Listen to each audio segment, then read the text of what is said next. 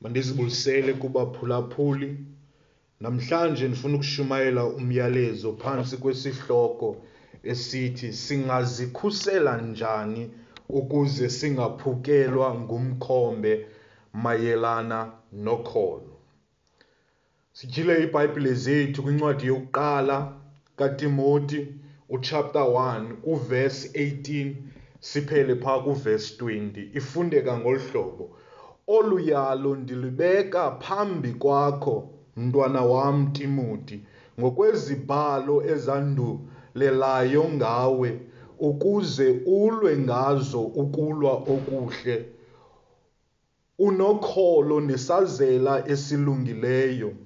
Ethe inxenye isigibile yaphukelwa ngumkhombe mayelana nokholo inohimenayo noalisendire endabanikela kusathana ukuze baqeqeshwe ukuba banganye banganyelisi ngo-1912 ngo-April nge-10 ka-April kukho inqanawa eyayibizwa ngokuba nguTitanic eyaphumayo kwizibuko laseSouthampton eNgilani. Le nqanawa yayinqanawa engafaniyo nezinye iinqanawe zexesha layo. Inqanawa yayinkulu and kwaye abantu babeyibiza ukuthi yinqanawa lena engasoze izi, uh, izike. Inqanawa yayinabantu kuyo uh, abayi-2228 kubo and kwaye babhatala imali ezinkulu ekubeni ukuthi bakhwele le nqanawe. Kodwa ezintsukwini ezine bekolu hambo uh, lwale nqanawe baye ba, bafumana izilumkiso ukuba kunomkhenkce abazawudibana nawo phambi kwabo. And kwaye aba bantu zange bawukhathalele ba, uh, basikhathalele eso silumkiso baqhubekeka nendlela yabo. And kwaye kweli suku lesine ngo-11 ixesha ebusuku yaye yantlitheka le nqanawe kulo mkhenkce sikubiza ngokuba yi-iceberg. Yaqala inqanawe ukuzala ngamanzi. Abantu abayi-1000 5023 baye baqala ukuzika batshona kulwandle lweatlantic only abantu abayi-705 abasindayo kwaba bantu babekhwele le nqanawe emveni kokuba izikile le nqanawa abantu ba bazibuza bekhangela isizathu ukuba yintoni eyabangela ukuthi le nqanawe izike. Phakathi kwezo zizathu sifumana umxube wonobangela. Bathi abanye zange kukhathalwe abanye babesithi kubawa abanye babesithi kwakunokuzingca phakathi kwala madoda wayephethe le nqanawe. Kodwa into eyenzekayo baye bazika um kolu lwandle lweatlantic ekubeni kokuba bezikile. Ngokwale vesi yethu namhlanje siyafunda ukuthi kunamadoda empilweni zabo indo lo madoda amabini iBhayibhile ithetha ngabo kule ndawo nguyimenayo kwaye noalesendire baye bamoshakalelelwa okanye baphukelwa ngumkhombe uh, mayelana nokholo ezimpilweni zabo. Mandicacise nje le ndawo ithi baphukelwa ngumkhombe mayelana nokholo lwabo. Amagama avakalayo la madoda amosha impilo zabo zobukrestu amosha impilo zabo zikamoya amosha impilo zabo zikamoya. And bangcwele njengoba sithethe ngotitanic namhlanje zinintsi iinqwelo uh iinqanawe ngaphambili okanye imikhombe ngaphambili eyatshonayo and kwaye yayimikhombe yodumo eyayisaziwa ngabantu. Ungakwazi ukuzikhangelela kwimbali uyifumane imikhombo enjalo. Kodwa bangcwele kufuneka siqonde ntonye le mikhombe yona yaye yazika elwandle kodwa kunemikhombe emininzi eza kuzika ingazikanga elwandle ingazikanga elwandle. And kwaye la madoda amabini apha ibhayibhile iye ya- yawakhankanya wayengekho selwandle kodwa baphukelwa ngumkhombe mayelana nokholo lwabo. Mayelana nokholo lwabo. And kwaye ndifuna ukuthi kubantu abamameleyo namhlanje nabo uh, bangakwazi ukuthi baphukelwe ngumkholo uh, ngumkhombe mayelana nokholo lwabo kuba uh, kunezinto abazazivumela ukuthi zenzeke ezimpilweni zabo and kwaye bangazikhuseli kuzo bangazi-avoidi ezimpilweni zabo. Uh, ezi vesi sifundileyo namhlanje ziza kusinceda ukuze singaphukelwa ngumkhombe singamoshakalelwa bubomi bethu uh, bobuKristu ezimpilweni ze uh, ebomini bethu. And kwaye apha iya- iyatyhila iinyaniso ezinokusinceda ebomini bethu bobuKristu. Kunamanqaku nje amathathu endifuna ukuthetha ngawo.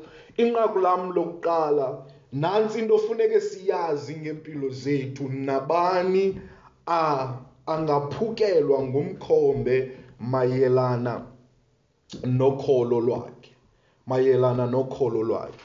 And kwaye la madoda amabini upawulos apha awakhankanyileyo kule ndawo uthi upawulos la madoda aye aluhlupho kakhulu ebandleni labo.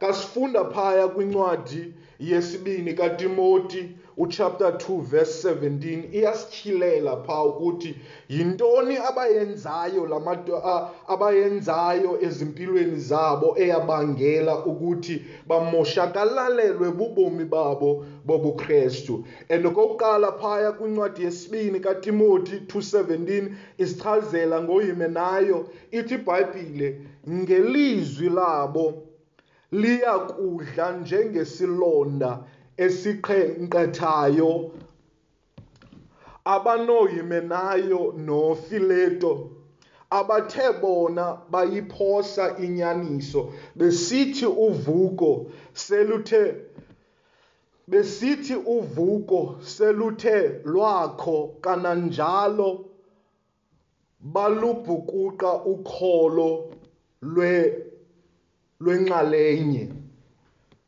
Lwenxalenye. And kwaye kasisiya kwincwadi kwalapha kwincwadi yesibini katimoti uchapter 4 verse 14 ifune ngohlobo apha. Ualesandire umkhandi webhedu wandenza izinto ezimbi wandenza izinto ezininzi ezimbi. Inkosi iya kumbuyekeza ngokomsebenzi ngokwemisebenzi yakhe. Umlumkele nawe kuba wawachasa wawachasa kunene amazwi ethu. So apha ezizathu zimbini sizifumeneyo izinto lamadoda azenzayo ukuze alahlekelwe okanye amoshakalelwe ngumkhombe ezimpilweni zabo. Kodwa nantsi into funeka before si- si- si- sigxile kakhulu kwezi zizathu nantsi into funeke siyazi wonke umntu okholwayo wonke umntu omlandelayo uyesu kristu njengenkosi and kwaye nomsindisi wempilo yakhe wonke umntu okwakukhe kwakhe kwakhe uthuba empilweni yakhe apho wayeziqonda ukuthi umonile uthixo ongcwele apho waqonda ukuthi umsebenzi waseCalvary umsebenzi wokufa wokungcwatywa nokuvuka kukaYesu Kristu yayindlela eyodwa enobangela ukuthi yena abe nobudlelwane noThixo. Umuntu owenzayo njengoba incwadi yabaseRoma chapter 10 verse 9 isitsho ngokuba xa sithe savuma ngomlomo wethu ukuba uyinkosi uYesu Kristu sakholwa ngenhliziyo yethu kuba uThixo wamvusa kwabafileyo uh, wosindiswa. And kwaye bonke abantu abasindisiweyo bangafikelela endaweni yokuthi bamoshe impilo zabo okanye baphukelwe ngumkhombe mayelana nokholo and namadoda amaninzi az, a- aziwayo abefundisa abakhulu abaye balahlekele a- bamoshakalelwa um bamosha ubomi babo bomkristu baphukelwa ngumkhombe mayelana nokholo and kwaye uh, namhlanje ukuba umamele le nto ayenzeki kubantu abathile. Le nto ingenzeka empilweni yam and kwaye ingenzeka nasempilweni yakho. Awukho mntu uh uthi ukhuselekile kwindaba yokuthi angene esonweni and kwaye amoshe impilo ya uh impilo yakhe. And kwaye lena ayondaba yokuhlekwa okanye indaba yokuthathwa nje lula. Lento inokwenzeka kumuntu wonke. Ithi incwadi yokuqala kwabasekorinte kuchapter 10 verse 12 ngoko ngoko ke lowo uba umi makalumke angawi. Iphinde ibuye ithi kwincwadi yemizekeliso chapter 16 irhatshi likhokhelela intshabalalo ukuzidla kukhokhelela ukukhubeka ukukhubeka. Ngamagama avakalayo wonke umuntu lento ingenzeka empilweni yakhe. Masijonge izizathu zokuba kutheni uh sikwazi sinokuphukelwa ngumkhombe mayelana nokholo.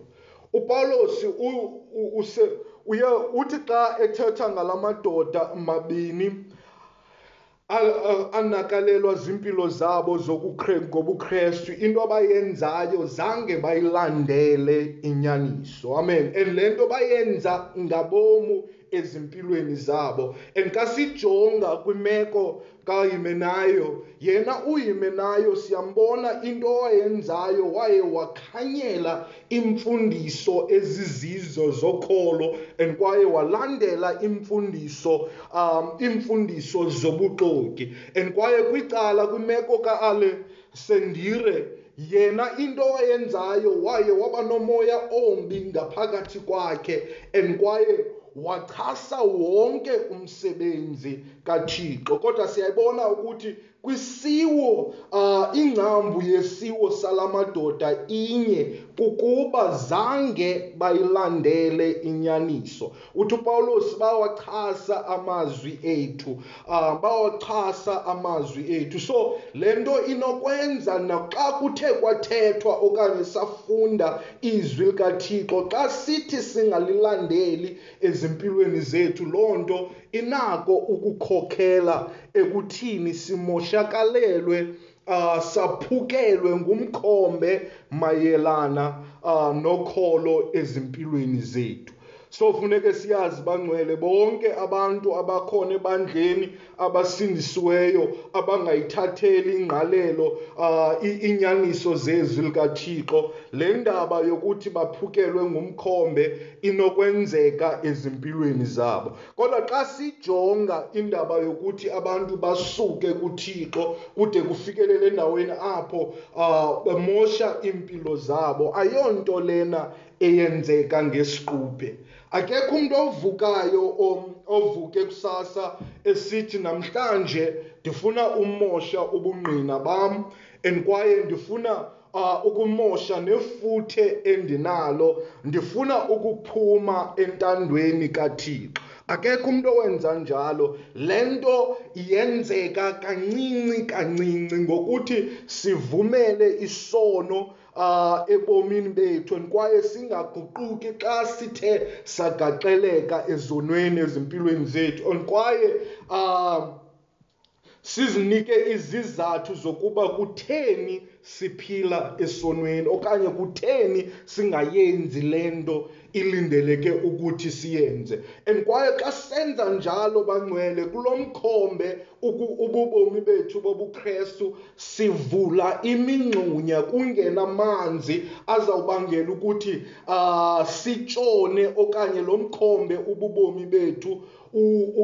umoshakale ezimpilweni zethu. Okanye sizibone sele sikude kuThixo ngendlela emangazayo. Kunomzekelo sinowusebenzisa uh weqoqo iqoqo ke ngelinye lezilwanyana okuthiwa linegazi elibandayo. Ukuba uye walithatha iqoqo walifaka eketileni.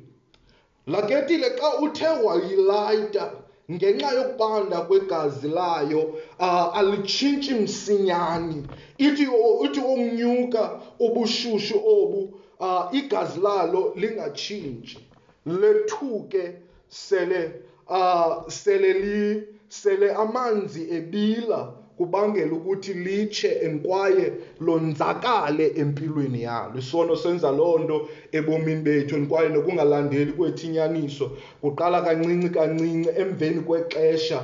Uh sibone sele simoshile impilo zethu ngendlela emangazayo. And kwaye ngamanye amaxesha siye simoshakalelwe kubomi bethu xa sivuma ukuthi sishenxe nje kancinci. Yes inyaniso yona siyayazi ukuthi ihamba kule ndawo kodwa sivumele ukuthi uh ubuxoki obuncinci sibulandele ezimpilweni zethu okanye sizalise impilo zethu ngezinto ezingezizo.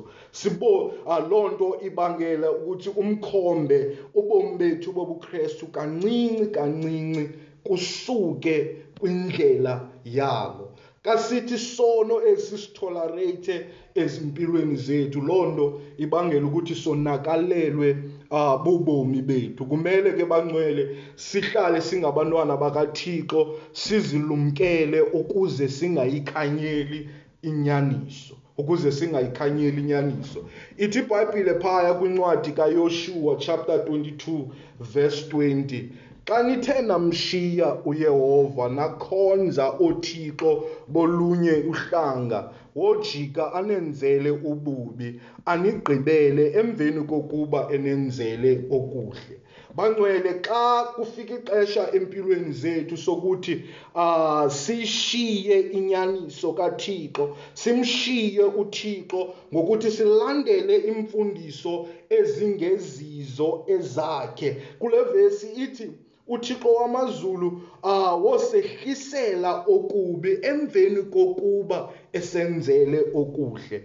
Um masizilumkeleni ukuze singaphukelwa ngumkhombe mayelana nokholo. Bangcwele nokuba sisindisiwe izinto ezibuhlungu ziyenzeka phakathi kwabantwana bakathixo abangazilumkelanga and kwaye la madoda avumela iinyaniso ezingezizo zezwi likathixo zalawula iimpilo zabo. Ekugqibeleni ithi ibhayibhile ke ethetha kakuhle upawulos ngabo kwafuneka ukuthi banikelwe kusathana bangcwele kungcono ukuthi siwele esandleni sikathixo ngoba uthixo unguthixo onenceba unguthixo onenceba. Sawuqhubekeka ke nalo myalezo uh uqhubekeke umane umamela sizawuphinda siqhubekeke no, no part 2 wayo uh bazalwane ndiyathandaza ngomnqweno wenhliziyo yami ukuthi singasuki enyanisweni ngoba xa sithe sahlehla sashenxa kuyo inyaniso yezwi zikathixo sizawuphukelwa ngumkhombe